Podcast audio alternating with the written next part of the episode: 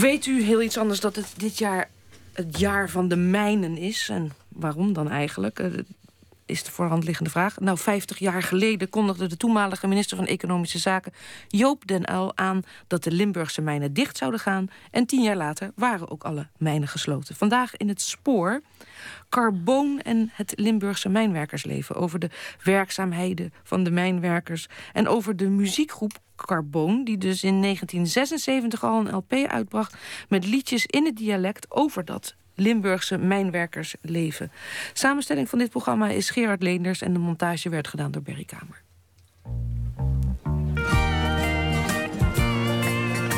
Ik weet uit mijn jonge jaren dat die LP uitkwam. En onze ouders van beide kanten hebben op de mijn gewerkt. En de plaat is grijs gedraaid. Elke dag weer, iedere keer weer die... Elke dag? Elke dag, ja. In Egelse zie ik de Laura nog liggen. De poel die het boomdal in slaam had gevuld. En neven de nog het is vrijdagavond 16 januari 2015. De hal van de stad Schouwburg van Heerlen. Ik bevind mij tussen honderden bezoekers. Veel oudere echtparen, mannen alleen, soms een vader en een zoon. Ik ben ermee opgegroeid. En het komt door vader. Die liedjes komen overeen met de gegevens die ze dus uh, op de plaat hebben opgenomen. Hè? Er heerst een opgewonden, gespannen sfeer. Mijn vader was mijnwerker en ik herkende wel een hoop dingen van de LP uit de verhalen. En ik woonde in Den Haag en ik uh, neem nu de kans waar om het uh, eindelijk te zien. Ja. 35, 40 jaar geleden de platen gekocht.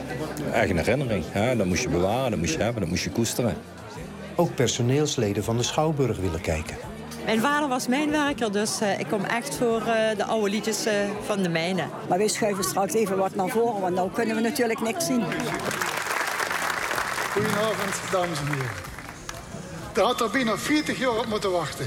We kunnen alles meezingen. We kunnen allemaal die liedjes. Ja, zingen, zingen we altijd thuis. Tijdens het optreden giert de emotie onverkort door de uitverkochte zaal. Vrouwen, maar vooral mannen, pinken stiekem een traantje weg. Ik heb er 40 jaar op gewacht. Ik vind het echt geweldig. En we worden er heel emotioneel van. Ja. Dat is heel mooi. We zitten gewoon met de muziek mee te grienen. Dus ja? we worden emotioneel Mijn vader is al tien jaar dood, maar ik voel het echt alsof hij erbij is. Heel erg. De LP Witste nog Koempel, Weet je nog Mijnwerker... is eind 1976 uitgekomen. De muziekgroep Carboon heeft nog nooit eerder opgetreden. En toch zit de zaal afgeladen vol luisterend naar liedjes uit het Limburgse mijnwerkersleven. De uitste, de kromste, maar wie doet de leefste? Voor het kulke van Kerkrouw, de koel. De oudste, de kromste, maar veruit de liefste was het mijntje van Kerkrade, de Hollandse mijn.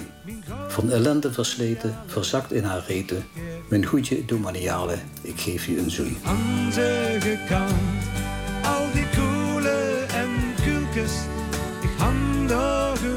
Ik heb ze gekend, al die mijnen en mijntjes. Ik heb er gewerkt en gespeeld nog als kind. Waar zijn ze gebleven, mijn mijnen en mijntjes? Voorgoed nu verdwenen, terug in de grond. Terug in de grond.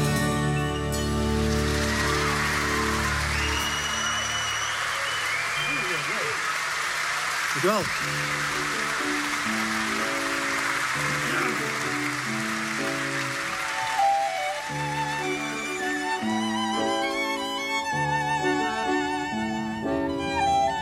Glukhof, welkom in het Nederlands Mijnmuseum.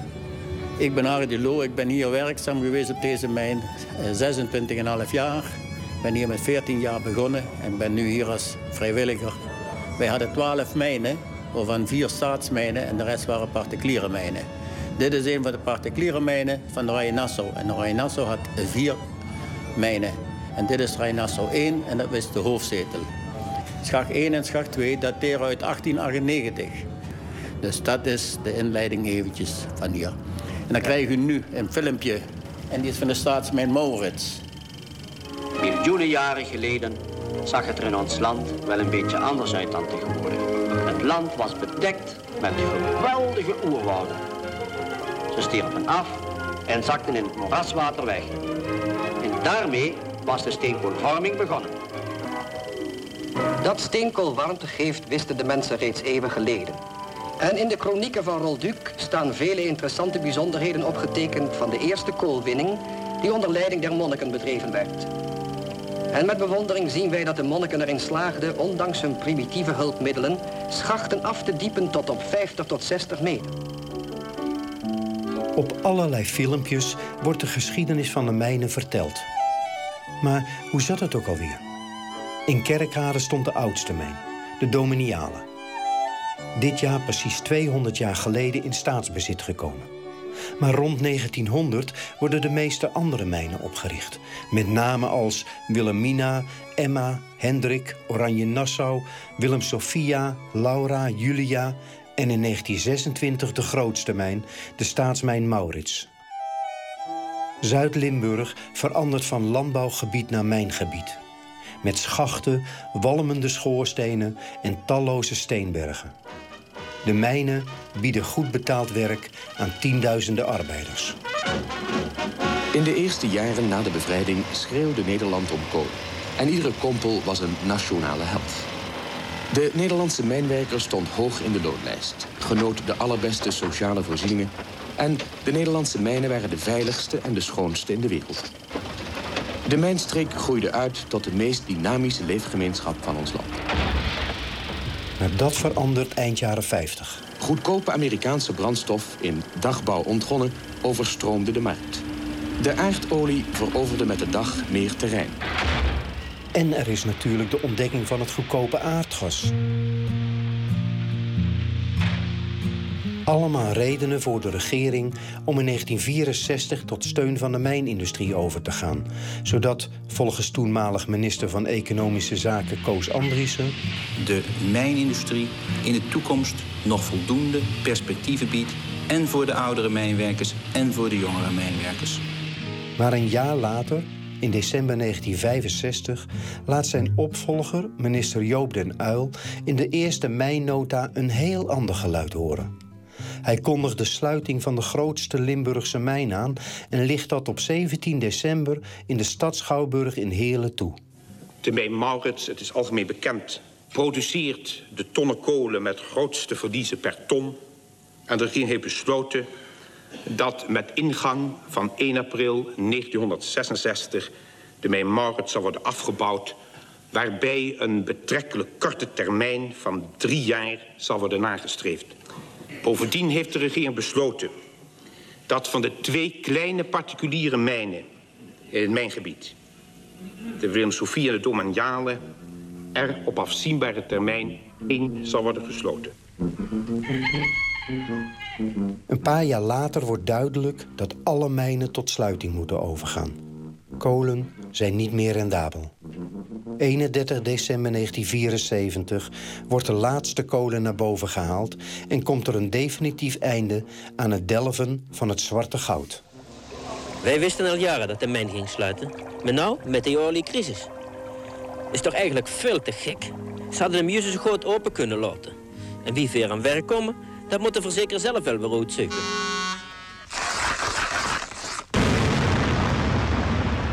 Van dit ogenblik af zal de schachttoren van de Emma alleen nog op aanzichtkaarten te zien zijn.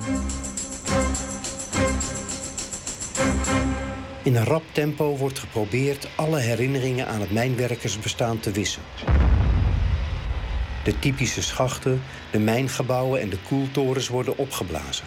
Grote steenbergen worden met de grond gelijk gemaakt en ook de iconische schoorstenen, Lange Lies en Lange Jan in Heerlen, moeten eraan geloven. Dat doet je wel wat hoor.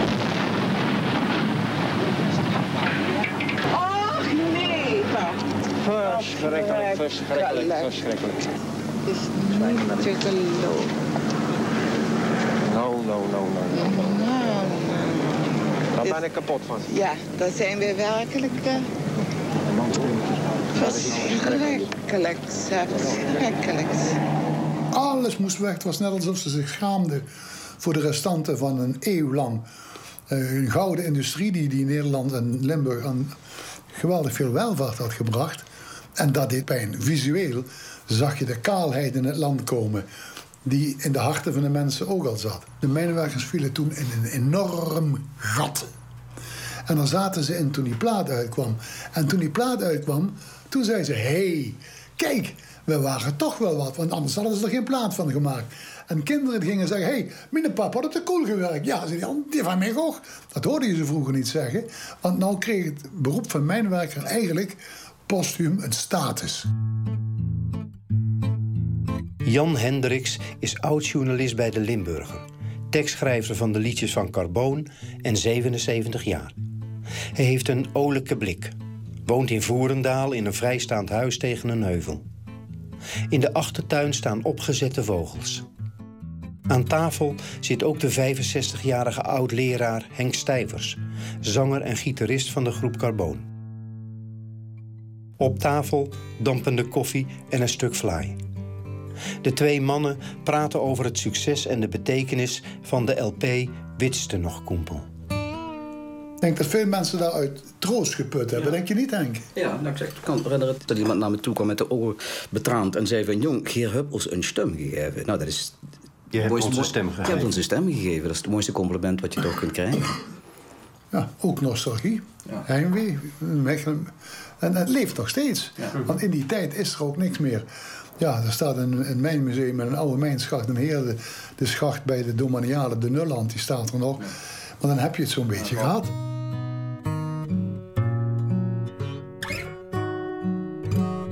Als later de eigen gemaakte sausijzen en worstenbroodjes op tafel komen, vertelt Jan Hendricks hoe het allemaal begon.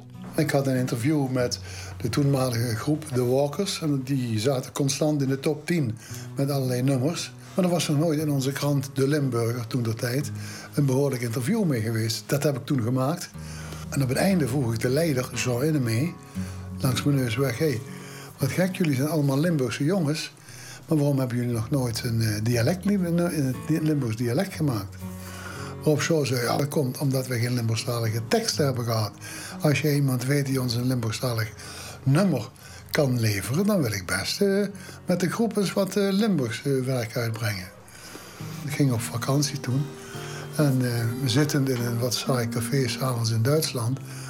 ben ik zo wat voor mezelf op papier gaan zetten. Ik dacht, nou, dan ga ik dat Jean aanbieden. Misschien vindt hij het leuk, misschien niet. En dat was het liedje Kumpel Schenk. De koele stouw, de schengert zich. De mijn is dicht en Cheng heeft schiech. De duivel hoort zijn laatste biecht. Agie, pastoor. Dag, koldeboer. Ik ga nu op de boemeltoer. Kolle boer, ik ga nu op de boemeltoer. En hoe kwam dat stomme liedje, wat ik als carnavalsliedje dacht hebben geschreven, tot stand? Dat kwam, het borrelde eigenlijk spontaan uit mijn op, omdat dat in mijn kop zat. Die hele mijngeschiedenis enzovoort. Het was een droefheid van heb ik jou daar. Het was eigenlijk het verdriet van Limburg. Maar goed, ik ging dat dus aan Jean aanbieden. En toen kwam het goede idee. Toen belde Jean me, dan had hij dat gelezen had, op. Ja, maar Jan, dit is toch geen carnavalsliedje? Dit, dit sleept zoveel tragiek. Het op het ogenblik speelt, straks weet niemand meer wat, wat antraciet en kolen of weet ik wat. Kun je daar niet wat meer over schrijven? Dan maken, dan maken we er een LP van. Dat in teng. Om te ondergronden. Koempelscheng, Koempelscheng. Werkloos zijn je grote, sterke handen. Kumpel schenk, Koempelscheng bijt op je tanden. Want de ondergronder blijft toch de arme donder. Jan Hendricks schrijft twaalf liedjes. Connie Peters en Jean Innemee van de Walkers componeerden de meeste liedjes... en het gitaartokkelende troubadoursduo onderwijzer Ben Erkens en leraar Henk Stijvers zongen de meeste liedjes.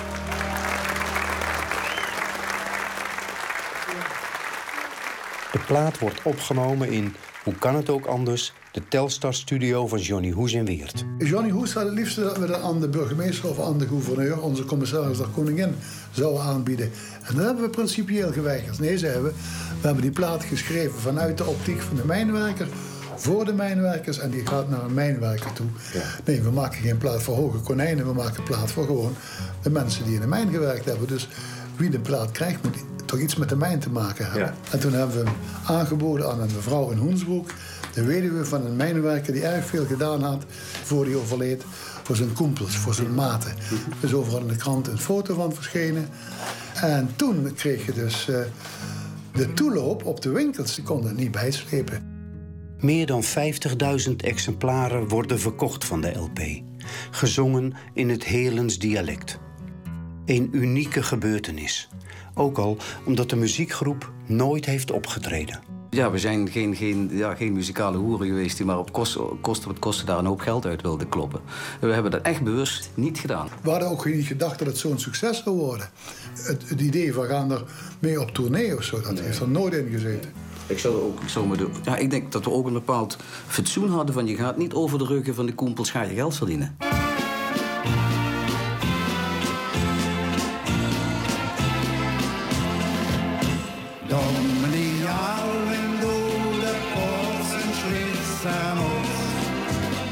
Carbon is een, is, is een mooie groep, moet ik zeggen. Ik heb ze uh, vele malen mogen beluisteren. Uh, maar op de Dominiaal hadden ze een eigen lied. Het woord koempel gebruikten we op de Dominiaal ook nooit. Nee? Nee, dat hebben we nooit gebruikt. Dat is iets van de staatsmijn. Wij hadden kameraden of vriend, of Joep. En iedereen was, was gelijk. Dus. Dat had hier op, op, die, op dit bedrijf. Was op de, op de staatsmijnen was dat niet zo. Dat zat er helemaal anders als de particuliere mijnen. Dat was de algemeen was dat bekend. Het is vrijdagochtend 9 uur. Ik betreed het monumentale pand Schacht Nulland in Kerkrade. Het enige zichtbare restant van de domaniale mijn. Aan tafel zitten drie oud-mijnwerkers al druk te praten in hun eigen museum. Loek Wiertz, Joost Schaefer en Jo Wiertz. Rondom hen heen talloze foto's, diploma's, honderden mijnvoorwerpen en een heuse lift. Wij zijn een groep mensen die proberen het verhaal te vertellen hoe het in de mijnen is geweest. En dat is onze doelstelling. Daarvoor zitten we hier in dit mooie gebouw. Voorzitter Jo Wiertz. De mannen vertellen over hun vaders, die ook bij de mijn werkten. En dat het vanzelfsprekend was dat de meeste jongens in de mijnstreek dat ook zouden gaan doen. Als ze 14 jaar zijn, beginnen ze op de ondergrondse vakschool. De opleiding tot mijnwerker die net na de oorlog is opgericht. Elke mijn heeft zijn eigen OVS. Maar de vader van Jo Wiertz, die ondergronds hoofdopzichter is bij de Domanialen, heeft andere plannen met zijn zoon. Bij ons thuis zeiden ze, jong ga je leren. Ja, ik ben toen, dat was toen de MULO. En we kwamen met de Muller op de OVS, dat is de ondergrondse vakschool. Gingen we in bezichtiging en ik zag die vrienden van mij, die, zag, die waren aan het voetballen. Eh, ze gingen zwemmen en ze werden ervoor betaald. Ik zat op de Muller, kreeg er niks voor. Ik denk, hé, hey, die kans moet je pakken. Ik ben naar de mijn opgegaan. In die tijd was mijn vader op vakantie. Dan ben ik me aan gaan melden. Maar toen, ik thuis, toen hij van de vakantie thuis kwam, dan had ik mijn mijnkleren in de gang liggen. Zie het plaatje nog altijd voor me. Hij keek er naartoe, ze zegt hij eh, aan zijn vrouw, of aan mijn moeder beter gezegd, van wie zei die? Ja, van jou. We gingen in de kamer zitten, zegt hij, luister. Je hebt voor dit vak gekozen en je zult het afmaken. En je weet wat ik voor een functie heb, besmeur die naam niet. Een gezonde kerel en tevens een prima vakman. Dat is de bedoeling van de OVS-opleiding van de staatsmijnen. We kregen daar dus uh, Nederlandse taal, uh, rekenen, wiskunde. De school was in principe hetzelfde dan als je op de Milo was.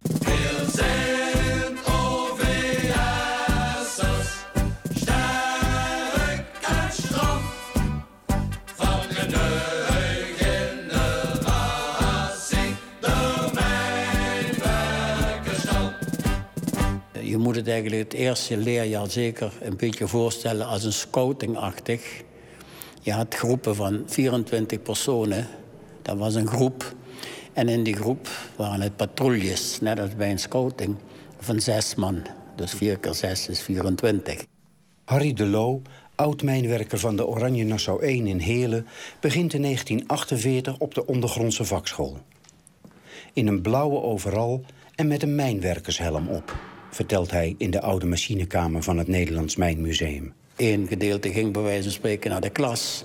Of de andere groep die ging sporten. Of weer een andere groep ging naar de leermijn. Want we hadden ook al een leermijn, zoals het ondergronds was. Het was dus half werk en half leren in het begin. Half leren en half werk, ja. Maar het was wel leuk. Maar het was wel, hij dacht toch ook weer zo'n discipline. Want s morgens om acht uur moest je omgekleed zijn. En dan ging je in de groep naar buiten. En niet alleen jouw groep, nee, al die groepen.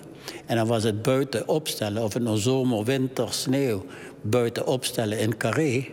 En dan werd de vlag gehesen en werd een gebed gedaan. En daarna moest je ook nog salueren voor de vlag. En daarna dan ging je aan je werk of naar de sport of wat, wat er dan met de groep gebeurde. Elke schooldag in dit eerste jaar opent met een kort gebed, het opzeggen van de OVS-wet en een groet aan de vlag. Elk kwartaal bezoeken de jongens één keer de leermijn. Deze is ingericht in de steenberg van het bedrijf. Het eerste jaar is voorbij voor je er erg in hebt. In het tweede leerjaar wordt aan het praktisch werk in het bovengrondsbedrijf heel wat aandacht besteed. In dit derde jaar komen de OVS'ers op een plaats waar ze al eerder zijn geweest, de leermijn. Ditmaal niet om er alleen maar een bezoekje te brengen. Nee, nu gaan ze praktisch werken om volkomen vertrouwd te raken met alle dingen waarmee ze straks in het ondergrondsbedrijf te maken zullen krijgen. Ten slotte komt in de derde maand van dit laatste leerjaar de dag waarop de jongens echt ondergronds gaan. Eerst één dag per week en dan geleidelijk meer, totdat zij vijf dagen van de week in de mijn aan het werk zijn.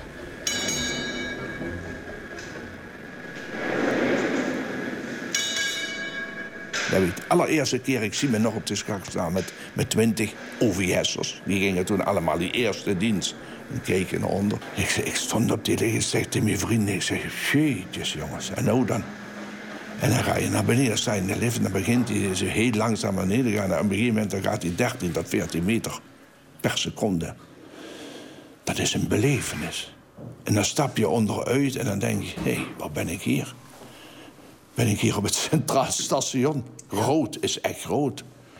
Eh, Het is eh, werkelijk eh, dat je denkt, je- staat op een station. Want er staan treinen, er staan wagens. de hele productie komt daar aan en dat moet naar boven. En de mensen moeten vervoerd worden. En hoe verder dat je naar het veld in, hoe kleiner werd het ook. Dat, en dan stap je uit. En dan moest je een helling op. En ja, dan ging je naar het front. Hè. Nou, en als je dan bekeek als jonge jongen, dan denk je dan ja. Maar ik had altijd de gedachte in mijn hoofd: je kunt je vader niet teleurstellen. Je wou niet leren, dan moet je dit maar doen.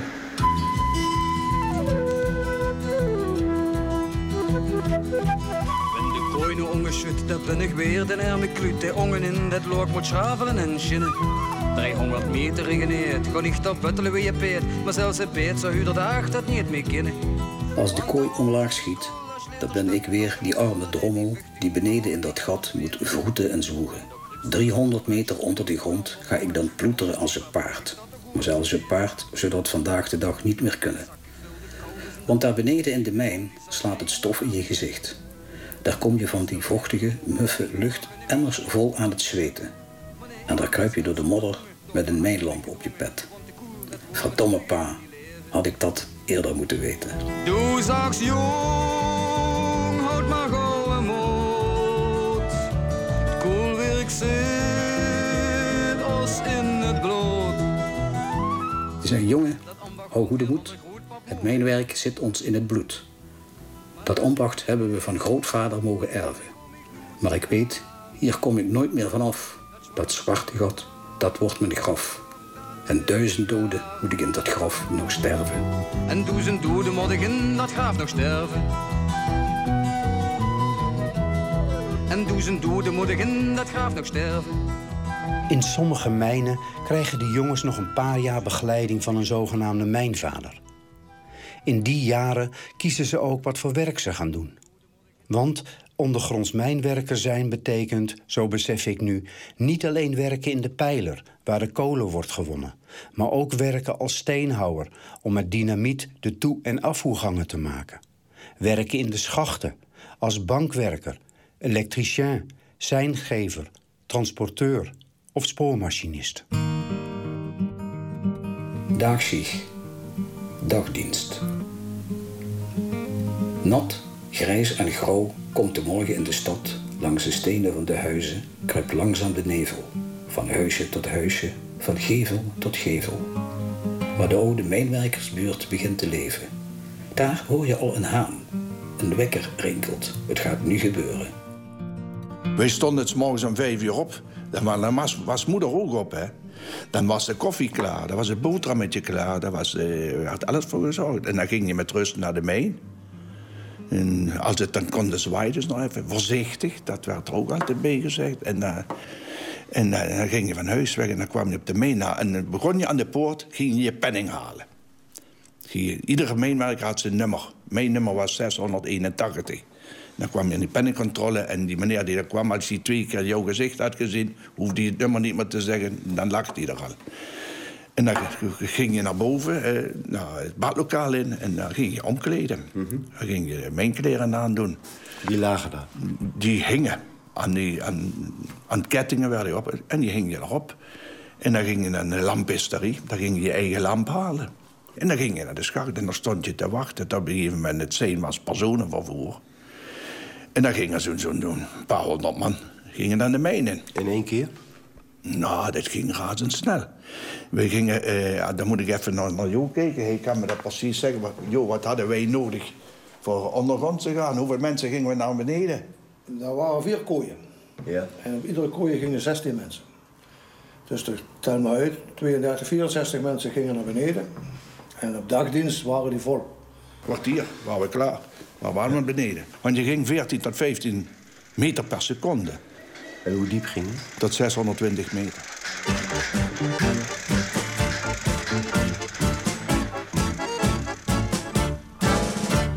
Stiegen, ken ik botteren? Gauw een appetiet. Huis nu neem eens knotteren, ginne had meer tijd. Opzichter, kan ik schaften, smakelijk eten. Je hoort nu niemand mopperen, niemand heeft meer tijd. Op een bundel plankjes zitten ze naast elkaar. Waar je werkt, daar eet je. Met het koffieblik tussen de benen. Aswerk, hoogloon, een dikke boterham met de jongen gluk af. Pompelok, zwandig sloesje soepenklok. Als je op de kooldienst was, dus, dan werd dus van, als, ik noem maar aan, om zes uur s morgens beginnen. En om twee uur was je einde dienst. Dan was om tien uur was dan de boterham. Een kwartiertje boeteren. En dan was dan een kwartiertje. En dan stond ook de panzer en alles stond dan stop. En dan werd een kwartiertje de boterham gegeten. En dan werd weer geseind of geklopt. Maar meestal met de lichtzijnen. En dan ging het weer lopen en dan kon je weer beginnen. Nou, als je plassen moest, dat werd maar gewoon ja, op de plaats gedaan. En als je je behoefte moest doen, ja, het was, er stond in verschillende plaatsen stond dan een ton. Wij noemden het de kiebel. Maar ja, die stond alleen maar in grote gangen. Dus en dan was, als je in de pijler was of op je werkpunt, dan was het vaak veel te ver lopen om daar naartoe te gaan. En dan werd het op de schop gedaan, zoals ze dat noemden. De mijnwerker zou zeggen op de schop gewoon. Nou, dan werd wat kolengruis op de schop gedaan, of steengruis. En dan deed je behoefte op je schop. En dan werd het in de oude man of tussen de kolen ingegooid. Dus, eh, en dan, ja, papier had je toch altijd bij je. Want je had toch altijd de krant om de boterham in die tijd, hè. Want als je nou in de pijler zat en... Dan laten we aannemen dat je midden erin zit, of onderaan.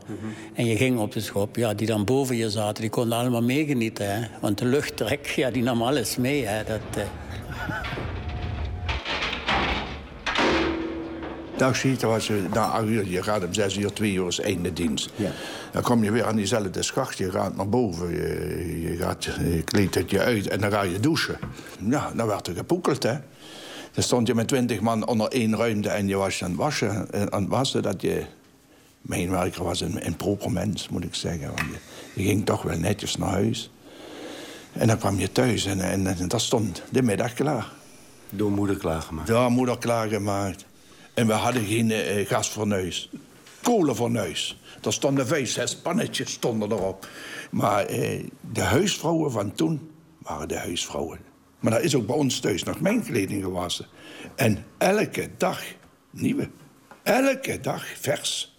Want eh, als je boven kwam, die, die, die, nou, je zag eruit, eh, dat wil je niet weten. En we hadden geen volautomatische wasmachine.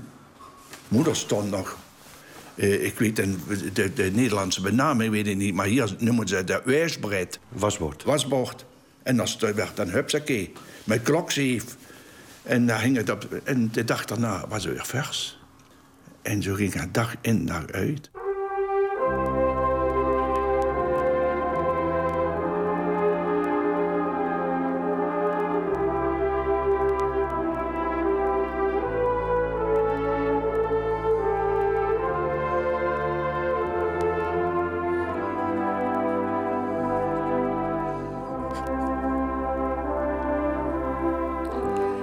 Dit was het eerste deel van Carboon en het Limburgse mijnwerkersleven. De gitaar werd bespeeld door Joep Pelt en de vertaalde teksten werden gelezen door Henk Stijvers. Met dank aan het Nederlands Mijnmuseum en de kameraden van Museum Schacht Nuland. Volgende week dus deel 2.